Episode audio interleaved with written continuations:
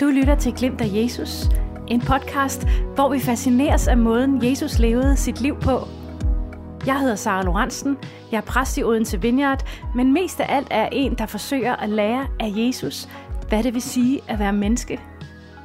Du er velkommen til at være med på rejsen, uanset hvordan din relation til Jesus ser ud. I hvert glimt ser vi på en tekst fra Bibelen og afslutter med en kort bøn sammen.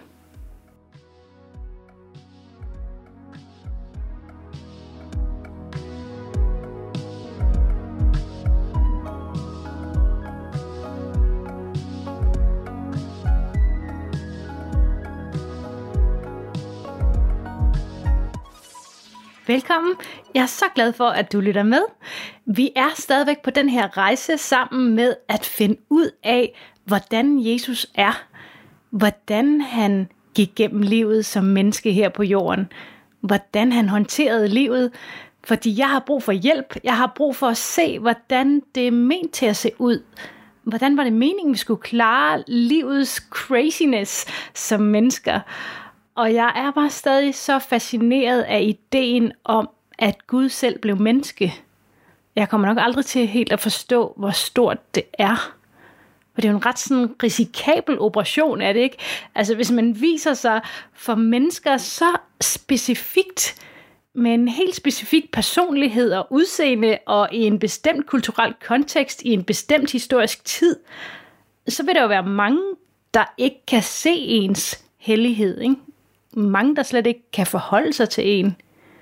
På en eller anden måde er det jo nemmere for os måske at forholde os til en Gud, som er usynlig og en sådan en upersonlig kraft i universet på linje med tyngdeloven, en kærlighedskraft, eller den del af os, der peger os mod at gøre det gode, som jeg læste Svend Brinkmann fik defineret Gud som. Det er jo mega provokerende at komme ind i tid og rum som et menneske med menneskelige behov, og så sige, at man er Gud, er det ikke? Fordi så kan det jo opfattes som om, man siger, det rigtige menneske er en mand med brugt hår, brune øjne og sandaler og fra Mellemøsten, eller hvad? Altså det er ligesom så sindssygt specifikt, lige meget hvordan Gud han var kommet til jorden, er det ikke? Hvorfor kom han ikke som en kvinde? Så havde vi da måske sparet nogle kampe, eller hvad? Det er nok ikke så underligt, at Jesus blev anklaget for blasfemi. Det er ligesom rare at forholde sig til Gud som noget helt anderledes end os. Noget ophøjet og helligt og guddommeligt, som på flotte gamle malerier eller i de der fine glasmosaikker i gamle kirker. Ting, der er lavet for, at vi lettere kan beundre hans skønhed og hellighed. Det er meget forvirrende, at han er helt Gud og helt menneske. Og med alle de smukke portrætter, kan der så ikke også godt snige sig sådan en fornemmelse ind af, at Jesus jo ikke var et helt rigtigt menneske. Kan der ikke? Fordi han er jo fuldt ud Gud.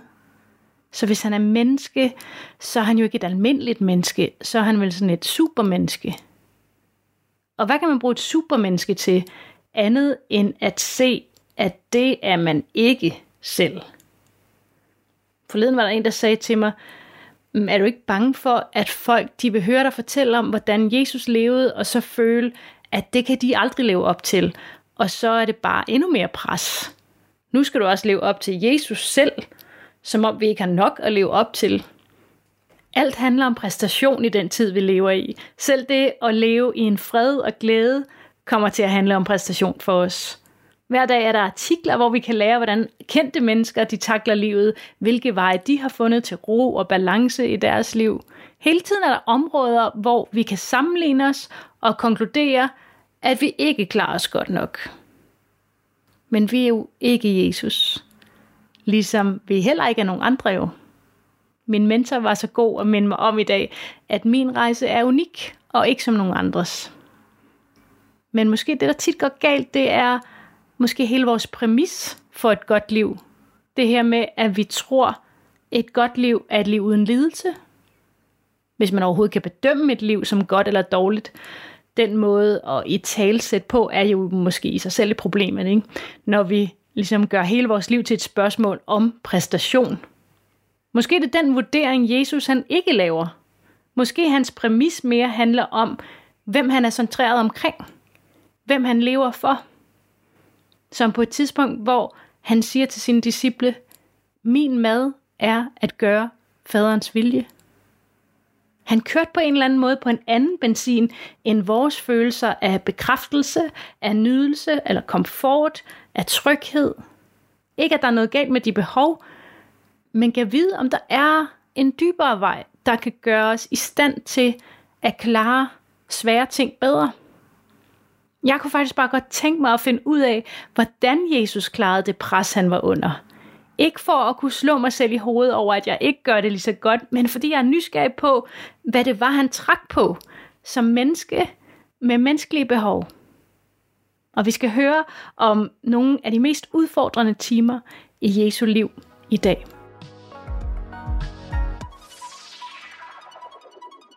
Har du prøvet at have dage, hvor du ved, du skal gøre noget vigtigt, men det er så smertefuldt og angstprovokerende, at alt i dit system ligesom er på overarbejde for at finde en anden måde at klare opgaven på. Det kan være, at du skal have en svær samtale, eller du skal fremlægge noget i skolen eller på arbejdet. Det kan være noget meget mere alvorligt. Og alt i dit system bare vender og drejer sig. Og kan du melde dig syg? Kan du sige, der er kommet noget i vejen? Måske jeg bare skal sige op, eller droppe ud af studiet. Måske det vil være lettere at droppe ud af min familie, eller af et bestemt venskab. Måske jeg bare skal slukke telefonen og lade som om verden ikke eksisterer. Vi kæmper mellem det, vi ved, der er det rigtige at gøre, det, der stemmer overens med vores værdier og mål i livet, og så mellem at flygte fra situationen, fordi vi er bange for at knække, vi er bange for ikke at kunne klare det. Og er det ikke tit sådan, at ingen andre mennesker helt kan forstå, hvad det er for en mental pres, det giver os. Det er en vej, vi går alene. Og når vi har klaret det, så kan de fleste faktisk tit ikke relatere til, hvor massiv en kamp det var for os. Hvis man går rundt med sådan en forestilling om, at Jesus sådan fakede lidt det at være et menneske, så er dagens historie god at få med i vores billede af ham, tror jeg. Brutal som den er, så kan jeg mærke, at den giver mig en følelse af ikke at være alene. En følelse af, at Gud godt ved, hvordan det er i ensomhed at kæmpe mod en masse modstridende følelser indeni. Så lad mig læse fra Lukas evangeliet, kapitel 26, vers 36-46. Jesus og disciplene kom nu til et sted, der hed Gethsemane. Sæt jer her, mens jeg går hen og beder, sagde Jesus. Dog tog han Peter og de to sønner af Zebedeus med sig lidt længere frem. Han var så modig og urolig. Jeg er død nær af sorg, udbrød han. Bliv her og hold jer vågne, mens jeg beder. Han gik lidt længere frem, faldt på knæ med ansigtet mod jorden og bad, Far, hvis det er muligt, så tag det her lidelsens bære fra mig. Dog ikke som jeg vil, men som du vil. Så gik han tilbage til de tre disciple og så, at de var faldet i søvn. Han vækkede dem og sagde til Peter, kunne I ikke holde jer vågne bare en time for min skyld? Viljen er god nok, men i egen kraft kan I ikke. Hvis I ikke skal bukke under for fristelsen, må I være vågne og bede. Jesus gik igen lidt væk fra dem og bad for anden gang. Far, hvis det her lidelsens bager ikke kan tages fra mig, men jeg er nødt til at tømme det, så lad din vilje ske. Da han kom tilbage til de tre disciple, sov de igen, for deres øjenlåg føltes tunge som bly. Så lod han dem være og gik for tredje gang alene tilbage for at bede den samme bøn igen. Da han derefter kom tilbage til disciplene, sagde han til dem, Nå, i sover stadig og hviler jer. Tiden er kommet, hvor menneskesønnen skal gives i onde menneskers vold. Rejs jer og lad os gå. Forræderen er på vej. Det er nok svært at overdrive intensiteten på den her aften. Jesus ved, at nu skal han snart gå gennem tortur og henrettelse og absorbere al verdens lidelse og dysfunktionalitet på sin egen krop. Disciplerne ved, der er noget i gære. efter Jesus oprejste sin ven Lazarus for døden, var befolkningens fascination af ham gået så meget over gevind, at farisæerne, der havde magten, havde holdt et møde og var begyndt at planlægge, hvordan de kunne få ryddet Jesus af vejen. Så han kunne ikke længere ligesom færdes frit, men havde opholdt sig i nogle måneder sådan i udkanten af ørkenen. Men så er der påske, og Jesus ved, at det er tid. Og disciplene ved, at de ved at vandre ind i Jerusalem, vandrer lige ind i løvens hule. Så de er bange. De er så udmattet af angst og magtesløshed og forvirring, at de falder i søvn, når Jesus har allermest brug for at mærke, at han har venner, der er sammen med ham.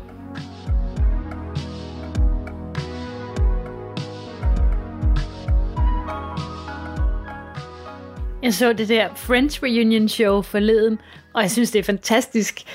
En af manuskriptforfatterne satte blandt andet ord på, øh, hvorfor showet måske har ramt så meget plet, og han fortalte, at det omhandlede den der tid i livet, hvor man flytter hjemmefra, og ens venner bliver ens familie. Og jeg kan faktisk huske, at min mand, han ikke rigtig gad se det der, da det kørte for de der 15-20 år siden, fordi serien maler et billede op af nogle venskaber, vi alle sammen drømmer om at have, men som ingen af os jo har. Og det kan godt få en til at føle sig sådan forkert eller mere ensom. Og kan godt følge ham. Altså, tv-serier og film kan jo virkelig forvrænge vores forventninger til virkeligheden, ikke? For er det ikke tit sådan, at venskaber bliver i talsat eller portrætteret, at det er de mennesker, der er der for dig i tygt og tyndt? Men er det ikke også bare sådan ofte, at lige når man går igennem noget mega svært, så går ens venner, eller måske ens kæreste eller ægtefælle, også igennem noget mega svært. Og den støtte, man virkelig godt kunne bruge, den er der bare ikke. Og så føler man sig endnu mere selvmedlidende og ensom. Det er jo ikke fordi disciplene ikke virkelig holder af Jesus de er jo ikke sådan pseudo-venner, som Jesus godt ved ikke rigtig er hans rigtige venner, fordi at de er mennesker, og han også er Gud. Det tror jeg ikke. Johannes, Peter og Jakob er de tre venner, Jesus har betroet sig mest til, har åbenbaret sig mest for og har delt mest med. Hvorfor? Fordi Jesus var et menneske, der havde brug for venner. Jesus havde brug for at være tæt med nogle venner – til middagen tidligere den her aften kan vi læse i Johannes 13, at Johannes havde lænet sig op af Jesu bryst. Det giver mere mening, når man husker, at de lå ned ved bordet. Jeg forestiller mig sådan en, ja, ligesom en lillebror læner sig op af sin elskede storebror i intimt venskab og fortrolighed. Det gør man ikke, hvis ikke at man ved, at man har så tæt et venskab jo. Og Jesus længtes tydeligvis efter at skulle være sammen med dem igen, efter han er opstået, og den dag de skal opstå, at de skal være sammen altid. Det synes jeg oser ud af hans ord i Johannes 14. Disciplene betyder noget for Jesus. Han har ikke bare udvalgt nogle strategiske personer til at videreføre hans budskab. Han elsker de her mennesker. Som John Eldridge har formuleret det, ham der skabte kærlighed og venskab, længtes efter det. Ligesom jeg har brug for venner. Ligesom alle mennesker har brug for venner. Fordi det er en del af vores design som mennesker måske. Et gammelt svensk ordsprog siger, delt glæde er en dobbelt glæde. Delt sorg er en halv sorg. Der er ingen af os, der er designet til at være vores egen ø, der kan klare os selv. Heller ikke selv, om vi har en tæt relation til Gud som vores far, som Jesus havde venskab, følgeskab, fællesskab, det at dele livets op- og nedture er en helt essentiel del af at være menneske. Så når jeg føler mangel på dybe og nære venskaber, så er min fortvivlelse ikke ubegrundet. Men jeg er i godt selskab. Fordi Jesus også oplevede svigt i hans sværeste stund. Eller begrænsethed, kan man måske kalde det. Der er skridt i livet, vi må tage alene, hvor vores venner eller familie bare ikke kan gå med. Så Jesus han er så modig og urolig. I Lukas evangeliet kan man læse, at han var i sådan en dødsangst, at, at hans sved faldt som bloddråber på jorden, mens han bad mere og mere indtrængende. Jeg læste biskop N.T. Wright forklare, at moderne forskning har vist, at man faktisk godt kan svede blod under ekstremt pres og skræk. Hvis jeg har tendens til at tænke, at Jesus måske fakede den der del med at være menneske, så kan det godt være, at jeg må tro om, ikke? Eller hvis jeg har en forestilling om, at hvis jeg tror på Gud eller følger hans vilje, så vil der ikke ske forfærdelige ting, der ryster mig og gør mig bange, så er der jo på en eller anden måde også noget, der ikke stemmer helt overens her. Ikke? Eller måske hvis jeg bilder mig selv ind, at jeg bør føle en fred og glæde konstant, hvis jeg virkelig tror på Gud, så er det bare heller ikke som om det er det, Jesus oplever her. Så angst, at han sveder blod. Døden nær af sorg, som han prøver at forklare disciplene. Forhåbentlig er der ingen af os, der helt kan relatere til det eller forestille os det, maksimalt presset på alle måder i syvende potens eller noget, helt ude i tårne, fuldstændig overvældet af mørke følelser, helt fortvivlet.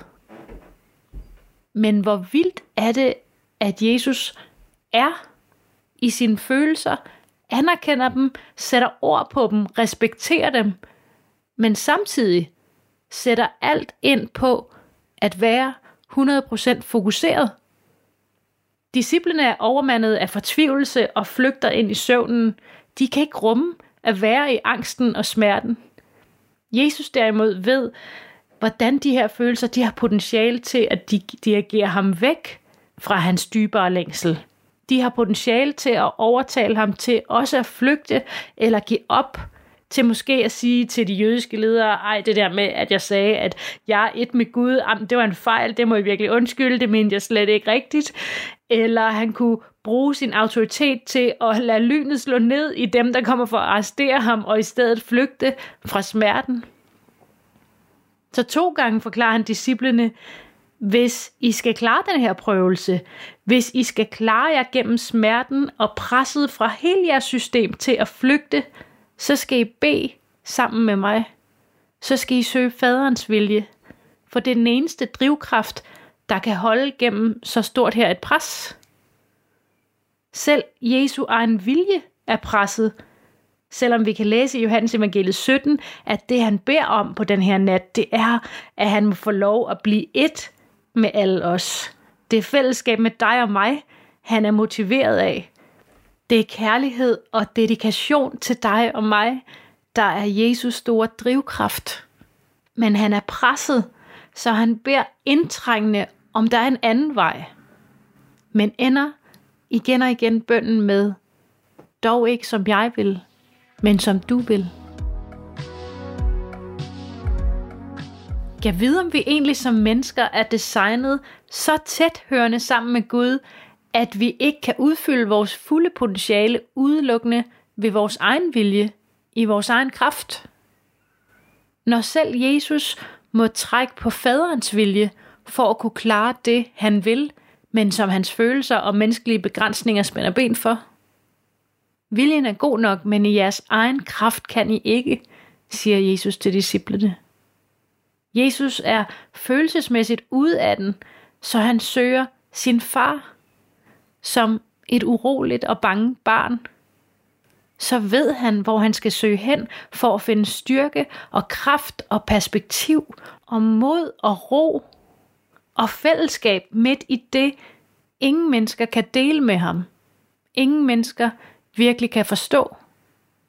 For hvordan kan nogen af os nogensinde forstå, hvad det kostede Jesus, der er livet selv, der er alt lys og herlighed, der har fundet på venskab og skabt alting, hvad det har kostet ham at blive alt det, han ikke er, og på korset følelser disconnected fra Gud selv, fra den han er.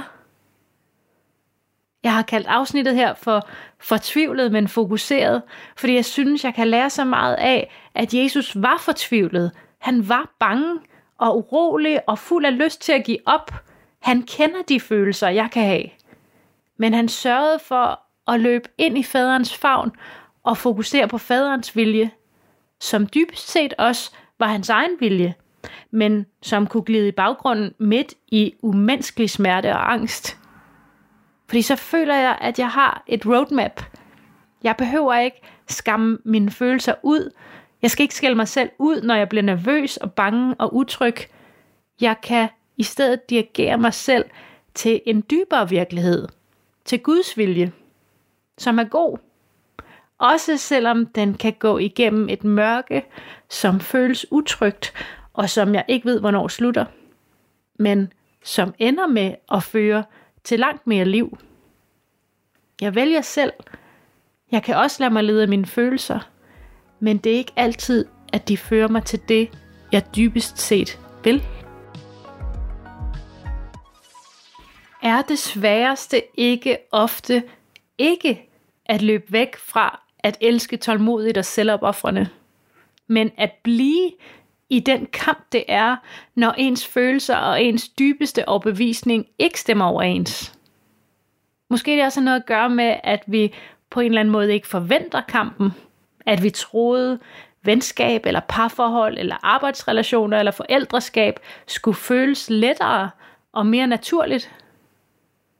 Det er sjovt. Jesus har jo forsøgt at forberede disciplene på, at der bliver en kamp, men nogle af dem har ligesom ikke fattet, hvad det er for en slags kamp, det er. Så en af disciplene har taget et våben med, og Jesus er sådan, det er ikke sådan en kamp. Kan du få lagt den væk? Det er en mental kamp.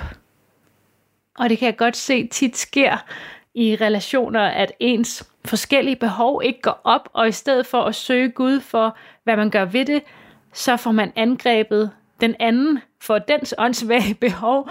Det er da dit behov for, at der altid er ryddet op, der er åndssvagt. I stedet for at være midt i det, der ikke går op.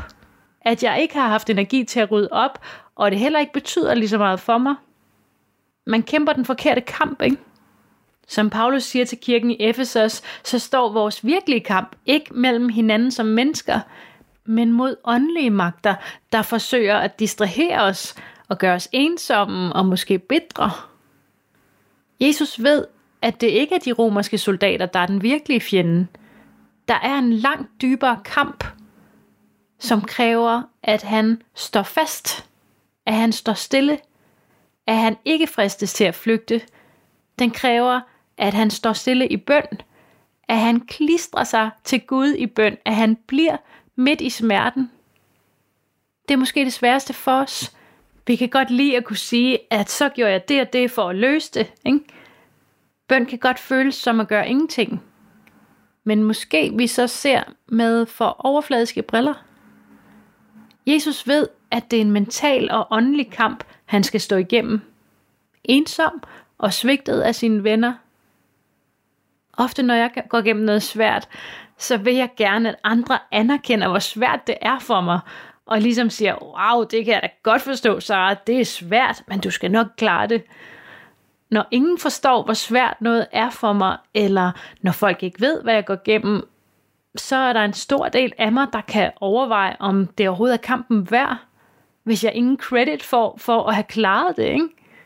I de her år, der er utrolig mange artikler, synes jeg, der for mig har se ser ud til på en eller anden måde at have til formål at dokumentere, hvor hårdt livet kan være for mange forskellige livsbaner. Så folk kan se, hvor flot man har klaret noget til trods. Igen sådan et udtryk for præstationssamfundet, ikke?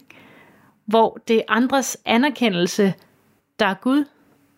Måden andre ser os på, det er det, vi navigerer efter. Det vil sige menneskefrygt.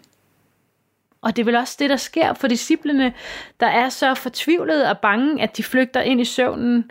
Al deres tro og kærlighed og gode principper viger for frygt og skam og selvopholdelse. Men Jesu fokus er ikke på at undgå døden, selv om de følelser er til stede. Han kender til angst, men han lader ikke angsten styre hans adfærd. Han kender til ensomhed, men han lader ikke ensomheden definere ham, som mange også gør. For Jesus var ikke generelt angst eller ensom. Han elskede livet. Han levede det i fællesskab fuld af livsglæde med sit centrum i faderens vilje. Det har ofte givet mig en befriende følelse at erkende, at mit liv ikke tilhører mig selv. At jeg giver det til Gud, fordi jeg tror, han kan bruge det meget bedre, end min egen vilje kan. Ikke at han som oftest får så meget plads. Jeg tager det hele tiden tilbage, og så opdager jeg, hvor dømmende og stressende en chef jeg er for mig selv. Og så siger jeg igen, jeg vil leve mit liv for dig, Gud, ikke for mig. Mine drømme er for små og for stressende. Jeg kunne så godt tænke mig at opleve mere af det her absurde statement, Jesus kommer med i Johannes 4. Min mad er at gøre faderens vilje. På en eller anden måde har Jesus så stor tillid til faderens vilje, at han er i stand til at give slip på alle sine egne behov og længsler. Mange af dem har jo stemt overens, ligesom meget af min vilje stemmer overens med Guds vilje. Det er jo ikke sådan, at Gud han havde en destruktiv vilje for Jesus. Tværtimod opstod han fra døden og blev ham, der besejrede ondskaben for evigt og sidder ophøjet ved Guds højre hånd. Men nogle gange går store sejre gennem et mørke, som Gud måske tillader, fordi det måske også kun er der, vi får mulighed for virkelig at mærke, at vi kan holde fast i ham, når der ikke er andet at holde fast i. Og vi kommer ud mere fredfyldte, mere trygge i ham, som aldrig rokkes, ham som er kærligheden selv, på den anden side. Jeg tror, at Jesus kunne klare at blive i smerten og angsten, fordi han var rutineret i, at alt hvad han gjorde, det gjorde han for Gud. Han havde øvet sig i det hele hans liv. Han havde en ubrudt forbindelse gennem Helligånden til Gud, så han kunne se, hvor meget større faderens herlighed var end menneskers anerkendelse. Der kommer vi aldrig helt til. Men han viser os vejen, synes jeg. Jeg kan mærke, at når jeg øver mig i at gøre alt, hvad jeg gør, ud af kærlighed til Jesus, så er der noget, der løftes. Hvis jeg tager opvasken for Jesus, i stedet for for at gøre min mand glad, så giver det mig ikke bitterhed, når han ikke lige opdager det. Som om min mand så skylder mig noget. Fordi jeg har jo gjort det ud af kærlighed til Jesus.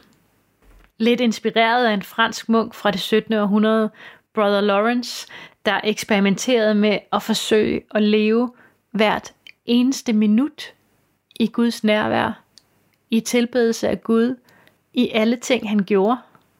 Han arbejdede i et køkken, og hans bog The Practice of the Presence of God har været en klassiker lige siden for alle, der længes efter at leve mere, ligesom Jesus.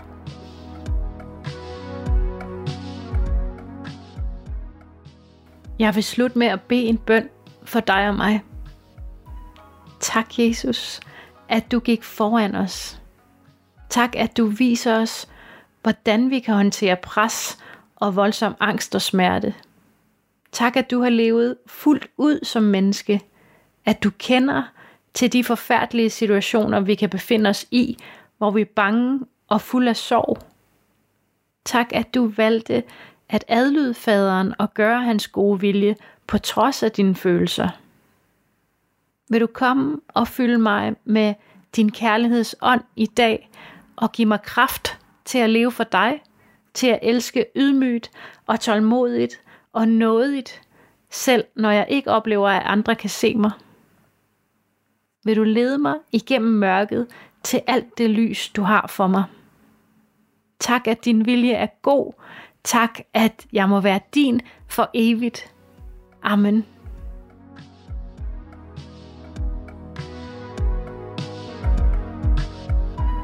Tak fordi du lyttede med.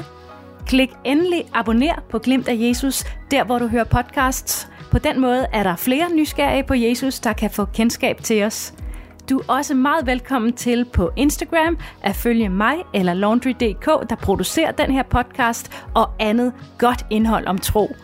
Tusind tak til Sonar Music, og vi håber, at du vil opleve glimt af Jesus i løbet af din dag.